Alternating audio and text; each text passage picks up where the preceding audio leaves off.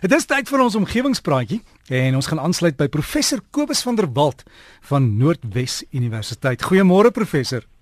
Môre môre Derek, môre al ons omgewingsvriende. Ja nee, nou as dit nou so is Derek, ek het nou nog nie daai artikel gelees nie, maar dan dink ek moet mense op 'n koue wintersoggend uh, moet jy op een been staan. Dan ek ek dink baie mense probeer dit in elk geval, jy weet. ja, het, het jy al gesien as ons as ons teen 'n muur staan Kobus, dan sit jy altyd so een been op, né? Ja, ja, nee, ek het dit al gesien. Dis nou baie hmm. interessant, maar ek dink dan moet mense nou nie van Gawie se se medisyne van vroeër vanoggend dan hê nie. Ja, ja. Want dan gaan dit nou nie mooi werk nie.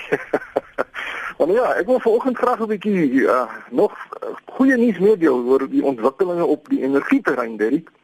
En die eerste nuusbrokkie is dat drie Europese groenkragmaatskappye besluit het om 'n vlak onbruikbare deel van die Noordsee te omskep in 'n reuse windplaas wat meer as 80 miljoen mense van elektrisiteit sal kan voorsien.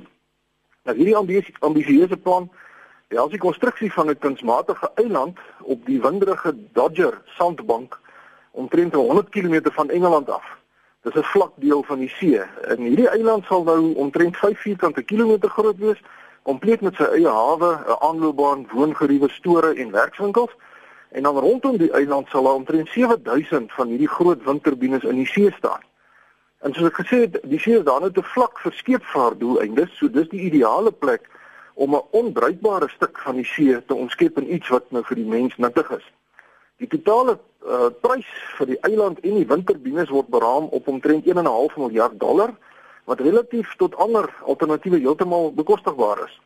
Nou die plan is dan om elektrisiteit te lewer uh, aan die Verenigde Koninkryk, Noorwe, Holland, Denemarke, Duitsland en België en dit sal nou met onderseese kabels uh gedoen word en die groot voordeel van hierdie projek is dat die mense wat die onderhoud dan nou moet doen op die eiland um in die middel van die turbines sal kan woon. So hulle is sommer tussen die turbines en al die nodige onderdele sal ook op die eiland gestoor word sodat instandhoudingswerk dan nou maklik goedkoop en vinnig gedoen kan word en dit sal die prys wat die verbruiker vir elektrisiteit gaan betaal natuurlik beduidend afbring. Nou 'n groot deel van die motief agter hierdie reuse projek is die Europese Unie se doelwitte om CO2-vrystellings teen 2050 met minstens 80% uh, af te bring. En om dit reg te kry, sal die mense groot moet dink en groen energie op reuse skaal moet installeer. En hierdie projek is 'n goeie voorbeeld van sulke denke. En nog 'n goeie nuusbrokkie in hierdie verband is dat navorsers aan die Universiteit van Newcastle in Australië 'n nuwe tegniek ontwikkel het om sonpanele op 'n wyse te vervaardig wat heelwat goedkoper is as die bestaande manier en dit is deur 'n nuwe studieveld wat organiese elektronika genoem word.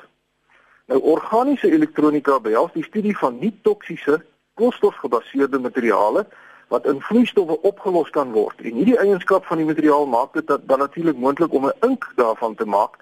Uh en die ink is dan geleibaar, met ander woorde hy kan elektrisiteit gelei.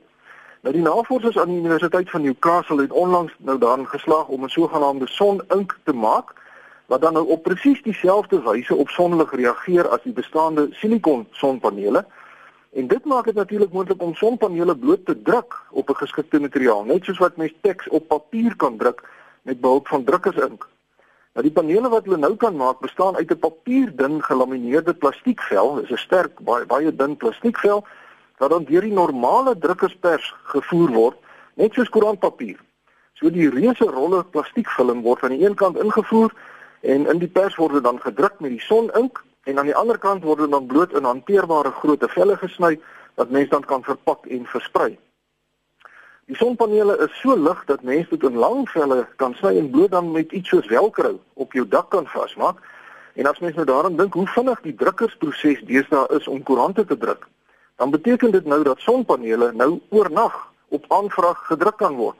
En dit behoort die koste van sonenergie nog heelwat verder af te bring. Trouwens, Die huidige koste om sulke drukkerspanele te vervaardig is maar in die orde van R135 per vierkante meter, wat 'n orde syfer goedkoper is as ander tipe sonpanele. Nou die probleem, die enigste probleem met hierdie sonink nou nog is dat die effektiwiteit maar omtrent 3% is.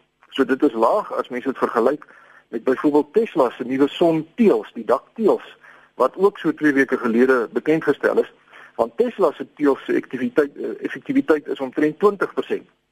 Maar vir toepassings soos byvoorbeeld die vinnige voorsiening van elektrisiteit aan arm lande of in rampgetuisterde gebiede kan die nuwe son-inkpanele met groot vrug gebruik word. En dan Dirk, wil ek graag vanoggend afsluit met 'n brief wat ek ontvang het van meneer Johan Pietersen. En dit stel waar ek nou 'n bietjie goeie nuus mee gedeel het, die ander kant van die saak.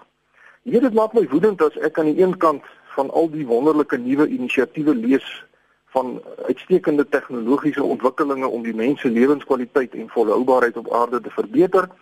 Maar dan lees mens van net soveel dinge wat mense doen wat eenvoudig die verstand te bowe gaan. Die ongeërgdheid en blote selfsugtige ek gee nie 'n flinter om nie mentaliteit van sommige mense is iets wat ek nooit sal verstaan nie. Meneer Pietersen skryf dat hy tydens 'n onlangse reis per motor deur die Noord-Kaap by 'n rusplek net buite Karnavon op pad na Lockston toe stilgehou het om bietjie bene te rek. Hy sê die een of ander van Daal het elke liewe betonstoeltjie en die tafeltjie met briete geweld stikkend gebreek en verniel sodat dit nou onbruikbaar vir ander motoriste is. Dit was egter net die oortjie van die seekoei. Daar was geen vullisdrom van enige aard ergens in sig nie. En hy sê hy het geen idee vir hoe lank dit nou al die geval is nie, maar die gevolg is dat daar letterlik 'n berg van drankbottels en bierblikke bloot oor die heining op die grond van die boer langs die pad gegooi is. Hy sê hy het simpatie met die boer wat sekerlik moedeloos moet toesien hoe sy grond besoedel word met afval en plastiek en onbruikbaar verwyding gemaak word van die plastieksakkies, die papiere en die ander gemos word deur die wind oor die hele plaas gewaai. Hy sê hy sou graag wil weet of dit dan nou nie die provinsiale owerheid of die pad owerheid of wie se verantwoordelikheid is om vullisdromme by sulke geriewe te voorsien nie en ten minste dan skoon te maak sê een keer per maand. Hy sê die vernielsigtigheid van mense verstom hom. Want besef hulle nie dat dit op die ou end hulle eie sakke raak nie. Hy eindig sy brief deur te sê dat as mense by sulke plekke langs die paaie stilhou, dit duidelik is dat 'n groot persentasie van ons motoriste die binneruim van 'n motor as 'n kroeg aansien. Want die hoeveelheid drankbottels wat langs die paaie weggesmy word, is verbuisterend en dan vra almal waarom is die sterftes op ons paaie so hoog? En baie dankie meneer Johan Pietersen vir u brief en ek beamoen alles wat u sê. Dit is ongelukkig so dat sommige mense 'n selfvernietigende, selfsugtige, lelike streep in hulle het. En ek dink dat daar minstens net soveel navorsing gedoen behoort te word oor hoe mens sulke onopgevoede vandaliste, rommelstrooiers en drankmisbruikers se gedrag kan verander as wat daar gedoen moet word om nuwe volhoubare tegnologieë te ontwikkel. Dit help niks om al hierdie wonderlike skoon omgewingsvriendelike tegnologieë te hê terwyl sekere mense eenvoudig vrede voel vir die omgewing nie en aangaan asof daar geen standaarde, norme en respek is vir enige iets nie. Sulke mense behoort hulle te skaam En daarmee sluit ek vir oggend my praatjie af, Derek. Ekskuus dit 'n bietjie warm in die kraag raak, maar ek voel regtig sterk oor sulke goeders. Dit hoort gewoon nie in 'n opgevoede samelewing nie. Skryf gerus vir my by kobus.vanderwalt by nwu.ac.za of kyk na omgewingspraatjies se Facebookblad vir meer besonderhede. En daarmee sê ek vriendelike groete tot 'n volgende keer. Professor Kobus van der Walt wat so saam met ons kuier hier op Breakfast en professor mag ek gou vra ek weet jy soms help uit by die, is dit die kerkbazaar of die kermis?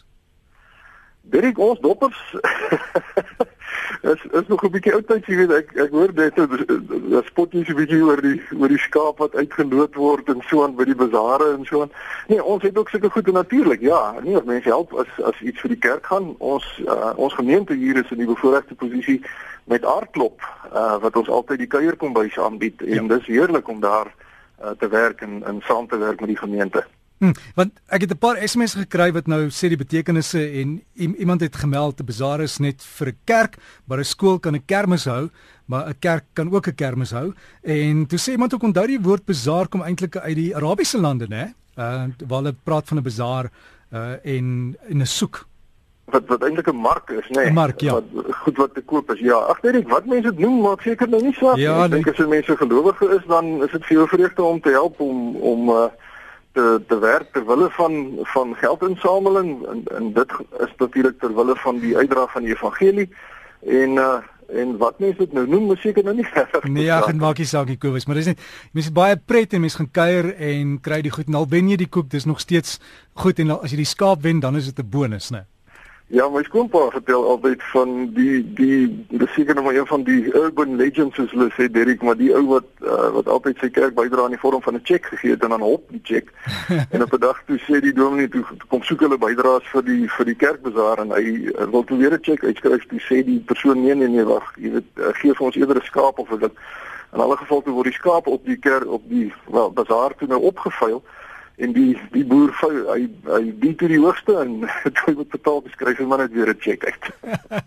ja, slim boer daai. So gesels ons met professor Kobus van der Walt en onthou op Facebook gaan soek vir omgewingspraatjies. Omgewingspraatjies sluit aan en kry al die inligting en veral die goed oor die sonpanele en alles.